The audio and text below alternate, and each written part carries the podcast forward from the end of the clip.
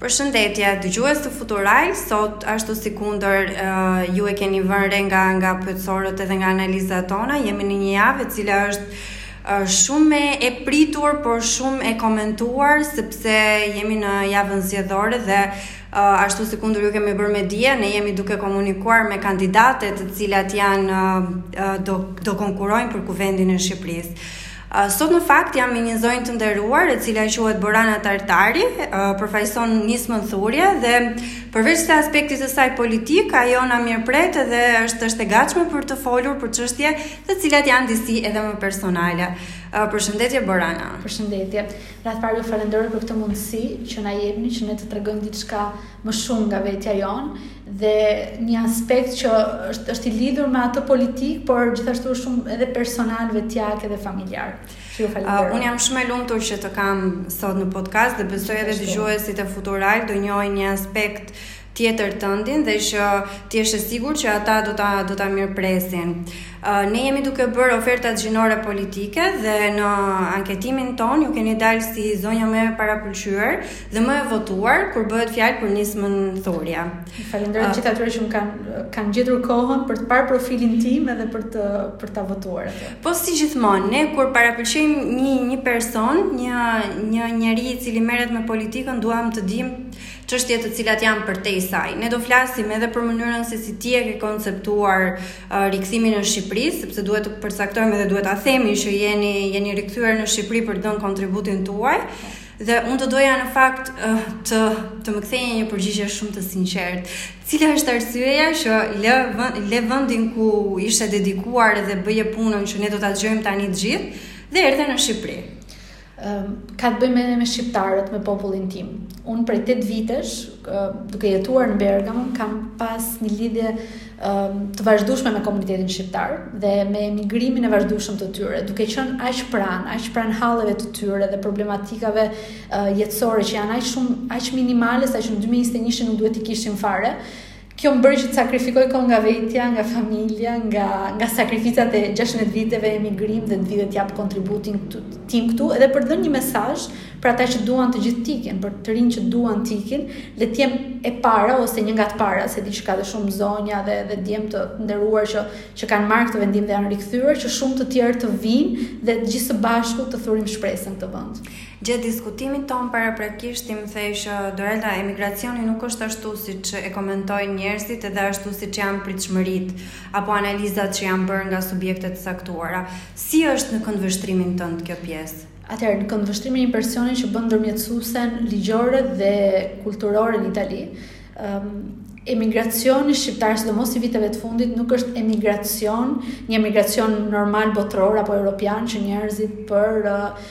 edhe sepse janë dashuruar me një me një shtet tjetër, shkojnë dhe vendosin ta ta ndërtojnë jetën atje. Emigracioni shqiptar i viteve të fundit përbëhet nga familje që uh, nuk arrijnë të kurojnë fëmijën në Shqipëri për shkak të kushteve të spitalit apo sepse i kanë dhënë një diagnozë të gabuar dhe kjo është gjëja më më e tmerrshme, uh, apo sepse janë të mëdhenj dhe nuk arrijnë dot të kurohen këtu sepse kanë uh, sëmundje terminale dhe vetëm para pak javësh Njëqind e pesëdhjetë shqiptarë janë ndjekur penalisht nga prokura e Piemontes, sepse ato kanë ardhur për kura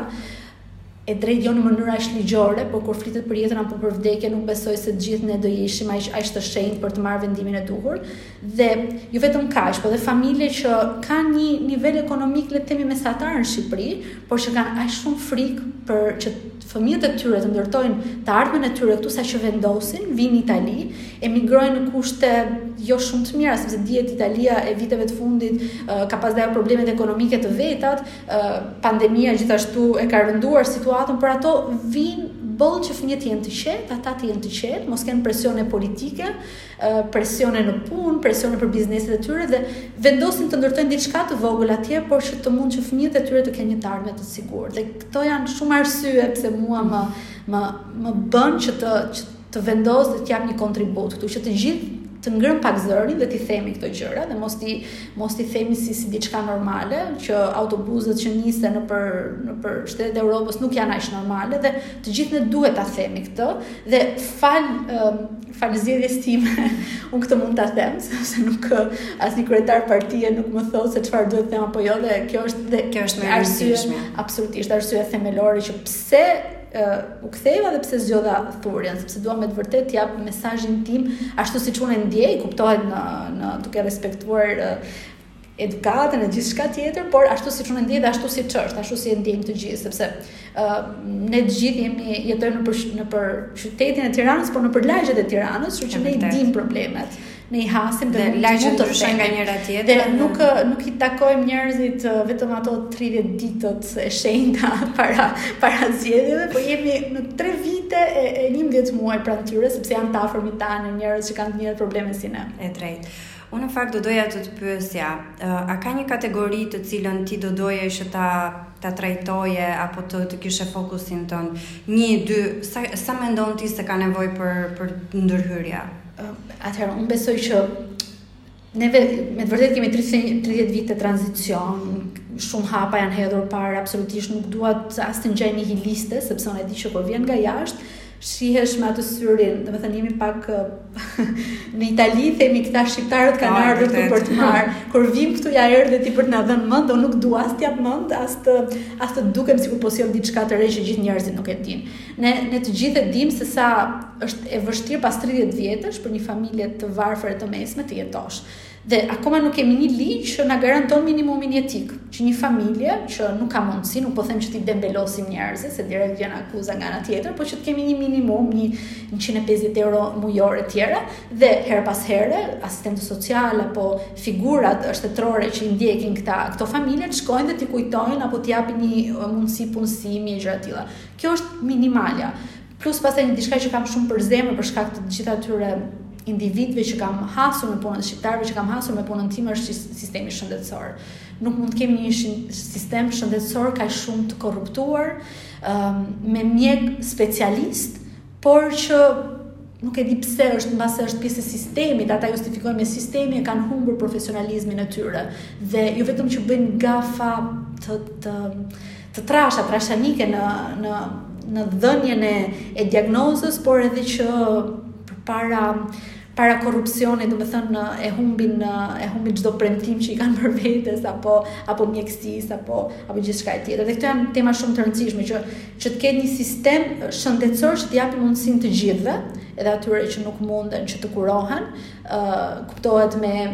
nëpërmjet sigurimeve e të tjera që janë gjëra që do vendosen paraprakisht, por që të jetë funksional, që jo për çdo gjë ne duhet të shohim privatin, por as te privati nuk kemi besim sepse kemi dëgjuar çdo lloj historish, domethënë. Dhe kjo e keqja më e madhe vjen patjetër nga korrupsioni. Korrupsioni është në vend të parë që pastaj ka sjellur të gjitha këto degëzime që ne të gjithë i njohim. Dhe për fëmijët, ka fëmijë shqiptarë që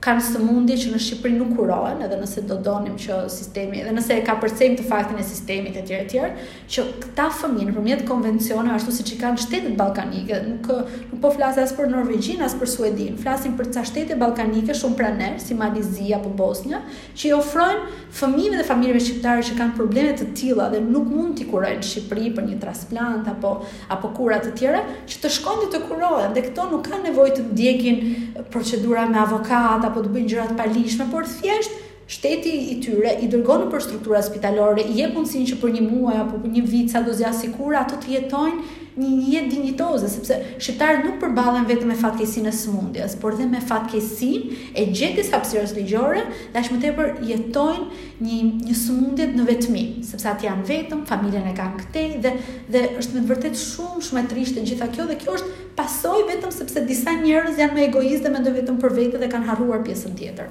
Të falenderoj. Kërkoj ndjesë u zgjata kaq shumë për jo, është është pjesë e ekspertizës tuaj dhe unë besoj që këtë ekspertizë ju e ndani edhe me njerëz të afërm. Patjetër. Por do doja të dija, si si është pritur vendimi i familjarëve, i, i miqve, i njerëzve që kanë qenë shumë pranë teje në momentin që ti ke vendosur që të bëhesh pjesë e nismës Thurje edhe të kandidosh pastaj në Shqipëri. Atëherë si si shumica e shqiptarëve kur merr pjesë në një parti të re, uh,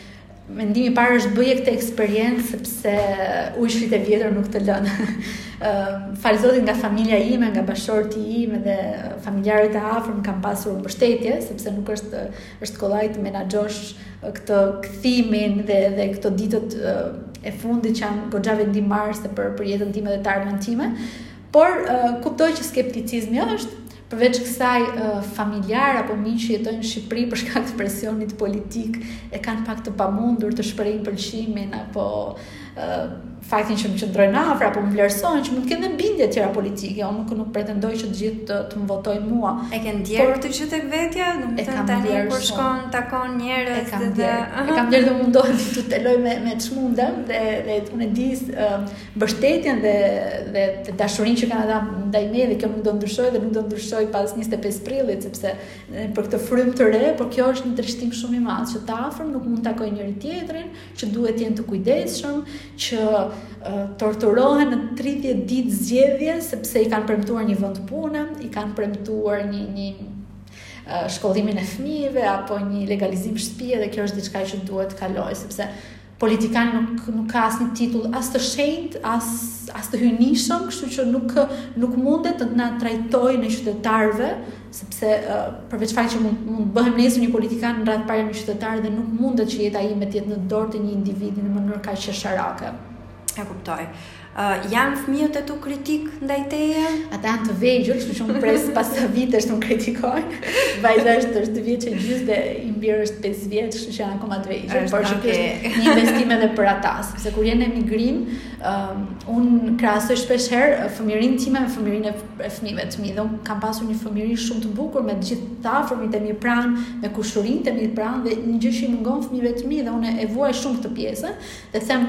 pse për për aq pak, sepse fëmijët e mi edhe pse kanë një dashuri të madhe për Shqipërinë dhe dhe përmendin gjithmonë Shqipërinë në në gjithçka bëjnë dhe në aktivitetet e tyre, them pse atyre t'u hiqet e drejta të, të rriten në vendin e tyre. Pastaj kur të rriten, nëse duan të bëjnë një cikël shkollor në një vend apo në një vend tjetër, dhe nëse ne do kemi ato mundësi ekonomike, le, le ta bëjnë, por në të kundërt të kenë minimumin në vendin e tyre, të, të mund të shkollohen, të mund të të të kurohen, unë është diçka që dua ta ndaj me ju, unë kam dhe shtetësinë italiane dhe gjithmonë kam pas atë dilemën të rri të kthehem, të rri të kthehem dhe i thoja vetes rri dhe pak që të bësh letrat italiane, që të paktën nëse do kesh nevojë për kura, për për shërbimin shëndetësor ti dhe fëmijët e tu, të paktën dish ku të shkosh dhe kjo është shumë e trishtë. Është jashtëzakonisht shumë e trishtë t'i vendosësh vetes limite ekzistenciale.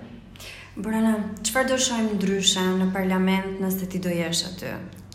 Do shohim ndryshe një person që do bëjë një pakt me njerëzit që do ta votojnë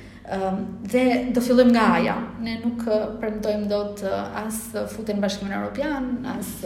shumë mijëra vende pune, ne do të fillojmë nga A-ja, siç e thashë nga minimumi etik apo nga ligji i referendumeve, që ne kemi 33 projekt ligje, por këto janë dy prej tyre që pa dashur të lodh njerëzit. Ë uh, t'i japësh të drejtën një individi apo një shoqërie të ketë uh, të drejtën e referendumit, do thotë që kur atij nuk i pëlqen diçka, kur atij nuk i pëlqen që t'ia shembin teatrin e tyre sado i shëmtuar të jetë apo me maternitetin ku kanë lindur breza të të familjes, mos ta bëjnë, sepse uh, ne mund të kemi një kryetar bashkie ekselent, por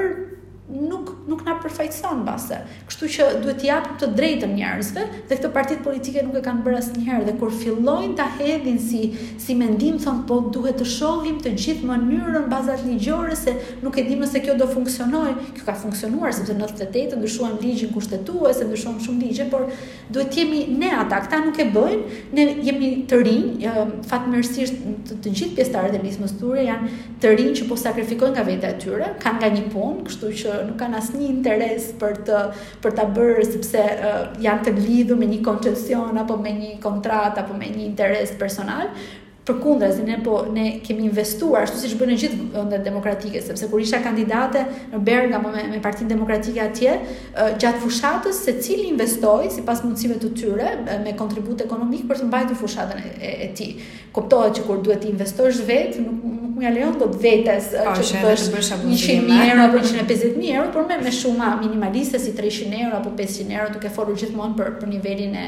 Italisë, për të bërë për të marrë me qira një një vend ku mund t'i flasësh njerëzve që këtë herë falë falë Covidit le të themi nuk nuk na është dashur, por dhe ne këtë kemi bërë. Domethënë Nisma Thurje ka një një risi shumë europiane, nëse nëse ne na pëlqejnë ta ta përmendim Europën në vend e pa vend, sepse të gjithë po e bëjmë këtë në mënyrë vullnetare me financimin personal apo dhe falë dhurimeve të shumë qytetarëve që na kanë mbështetur për këtë dhe ne jemi shumë të lumtur sepse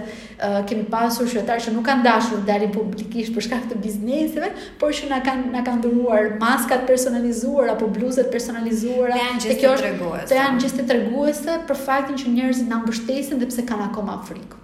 Por Ana, unë jam shumë e sigurt që njerëzit do dinë të vlerësojnë edhe vlerësimi pastaj duket edhe ditën kur duhet të të shprehet. Por, si çdo njeri edhe ti e di që ne shqiptarët e kemi dhe me qejf të marrim vesh ndonjë gjë që është edhe personale, për ta shpërqendruar pak nga fokusi i politikës. Uh, Borana, a, a ka konflikte në familje në momentin që jeni dy në Itali, dy në Shqipëri, është e vështirë të, të jetosh me, me një pjesë të familjes këtu dhe një pjesë andej? Patjetër, por kjo është, uh, paktën në, në rastin tim është diçka... Uh, kalimtare, sepse pastaj do të vendoset se çfarë, po patjetër, sepse unë aty kam dhe një aktivitet të timin që me me krizën e Covidit e gjitha po e menaxhon të gjithin im shoq dhe është është është e vështirë. Shpesh është e vështirë, plus për edhe për rolin dhe për punën time atje si ndërmjetësuese dhe dhe pjesë e një shoqate italo-shqiptare, ë në momentin që hap WhatsApp-in kam telefonata njerëzish që kanë nevojë për për ndihmë, për informacione etj etj, por është Është diçka që mund ta bësh me pasion nëse të pëlqen. Mua më pëlqen shumë të jem pranë njerëzve, t'i dëgjoj ata dhe të jap një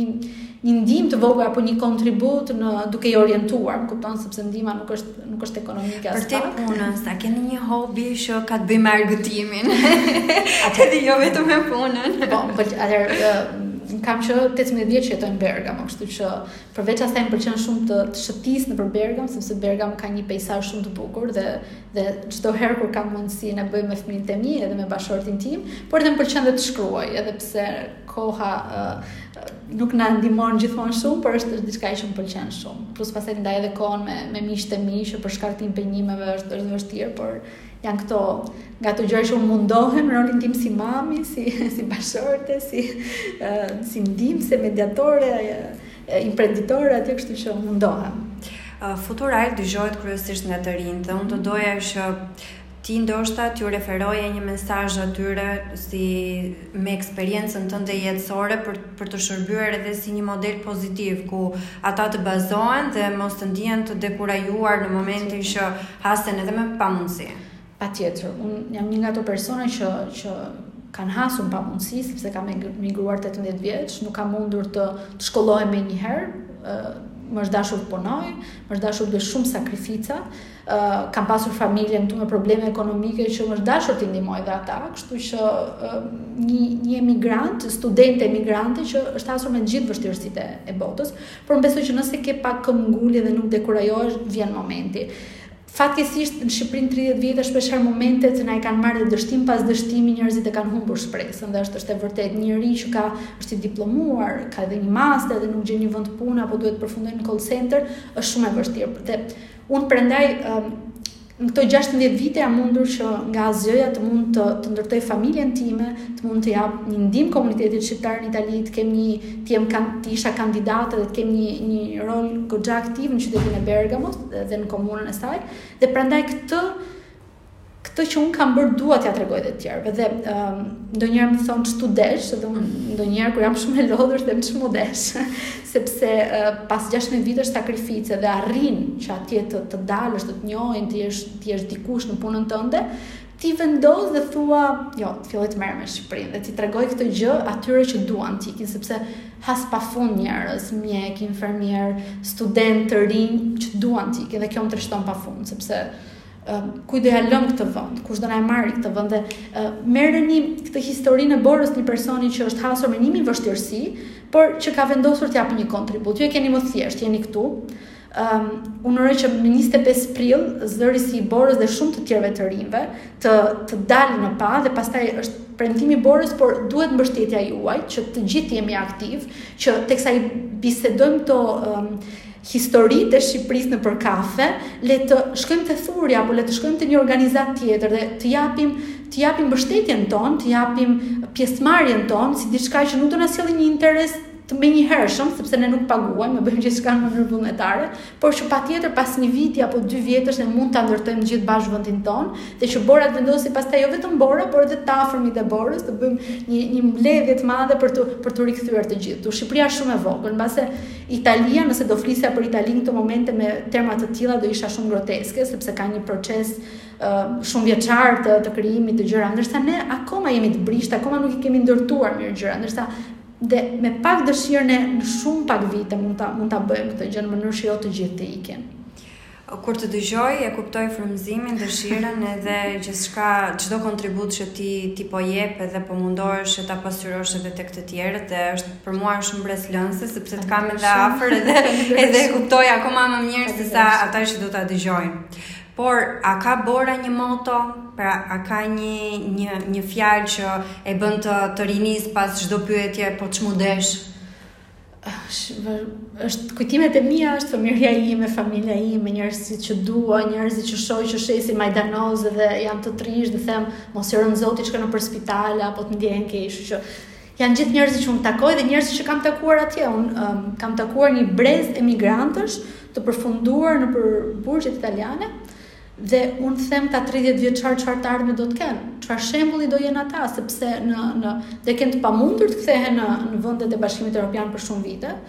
e kanë të pamundur të të ndërtojnë shembuj, të japin shembuj te fëmijët e tyre për shkak të atyre që kanë kaluar dhe këtë e kanë bërë jo sepse gjithë shqiptarët janë kriminelë, absolutisht. E kanë bërë sepse donin shkollonin motrën, Donin të kuronin nënën, kishin babain shumë të smurë dhe më pas humbi jetën dhe ai 18 vjeçari duhet të ishte kryefamiljar, kështu që këto janë gjithë pasojat e, e, e këtij sistemi, kështu nuk askush nuk nuk nuk na bëri ne më të mirë apo më të këqij përveç këtyre që vendosën vetëm të vjedhin dhe nuk patën as mëshirën më të vogël për për për të na dhënë neve një thërrime dhe me atë thërrime ne mund të kishim ndërtuar një jetë dinjitoze, sepse absolutisht Për ata që thonë korrupsioni ekziston gjithandej, absolutisht që korrupsioni, po sikur të kishin vjedhur më pak se nga ajo që kanë bërë, nuk do ishim këtu sot absolutisht. Dhe kjo është kjo është me të vërtetë unë këtë kandidaturë ja dedikoj të gjithë atyre njerëzve që kam takuar në këto në këto 15 vjet dhe dua të jem zëri i tyre, por jo sepse dua të kem votën e tyre, po dua të jem zëri i atyre sepse nuk përmenden asnjëherë. Emigrantët u përmendën nga nga qeveria shqiptare kur ata u bënë të suksesshëm dhe mbi 100 emigrantë shqiptarë morën pjesë në zgjedhjet në në Itali dhe atëherë u kontaktuan nga Ministria e Diasporës. Pas asaj heshtja, gjatë kandidatimit tim heshtja absolutisht. Gjithashtu emigrantët përmenden vetëm për këto merita, por kur një emigrant shqiptar gjendet në burgun e Italisë dhe ka nevojë për një certifikatë, konsullata jonë nuk përgjigjet dhe mos ishin ndërmjetësuesit që që është shteti italian që i paguan, ata për muaj e muaj nuk do mund të kontaktonin familjen dhe t'i thonin ku ku gjenden. Kështu që unë kur dëgjoj uh, propagandën uh, vjen të qesh për mos të qarë dhe e them që patjetër gjithë bashkë ne të rinjtë që kemi pasur të tilla lloj eksperiencash dhe kemi dëshirën, sepse është me të vërtetë të bësh politikë, është mision, nuk është as detyrë, as, as punë, nuk të sjell Në Shqipëri shihet si një benefit pafund, por atje është një sakrificë, sepse të gjithë ata që bëjnë politikë, paktën rrethin që unë njoh në Bergamo, janë njerëz profesionistë që kanë punën e tyre dhe i dedikojnë kohë nga koha e tyre uh, misionit e të bërit politikë, të qëndruarit pranë njerëzve dhe problemeve, të zgjidhjes problemeve të, të tyre. Kështu që kjo është politika dhe urojmë që të gjithë ne ta, ta rrënjosim në mendje që politika nuk do thotë as as 50 euro gjatë fushatës, as 500 euro, as një vend pune. Politika është që të gjithë bashkë të kuptojmë hallet e njëri-tjetrit dhe të japim një zgjidhje duke bërë që zëri jonë të dëgjohet. Bora ne jemi në fund të podcastit, unë do doja që të vazhdonim, por është është e limituar, pra është cikli 90 minuta. Dhe unë nuk e di nëse ke diçka tjetër për të shtuar si një mesazh, Dhe nëse jo, ne... Unë do doja vetëm t'i kërkoja çdo shqiptari që po na dëgjon, çdo qytetar, çdo grua, çdo nënë që ka drejtën për të votuar, që të dali dhe të votojë me 25 prill. Nuk ka nuk po them voto Borën, mendojeni ju po vetëm dilni, që të paktën ta kuptojë që zëri i qytetarëve është i rëndësishëm si njëra palë politike dhe pala tjetër. Ju faleminderit. Të falënderoj shumë, kënaqësi shumë e madhe. Faleminderit.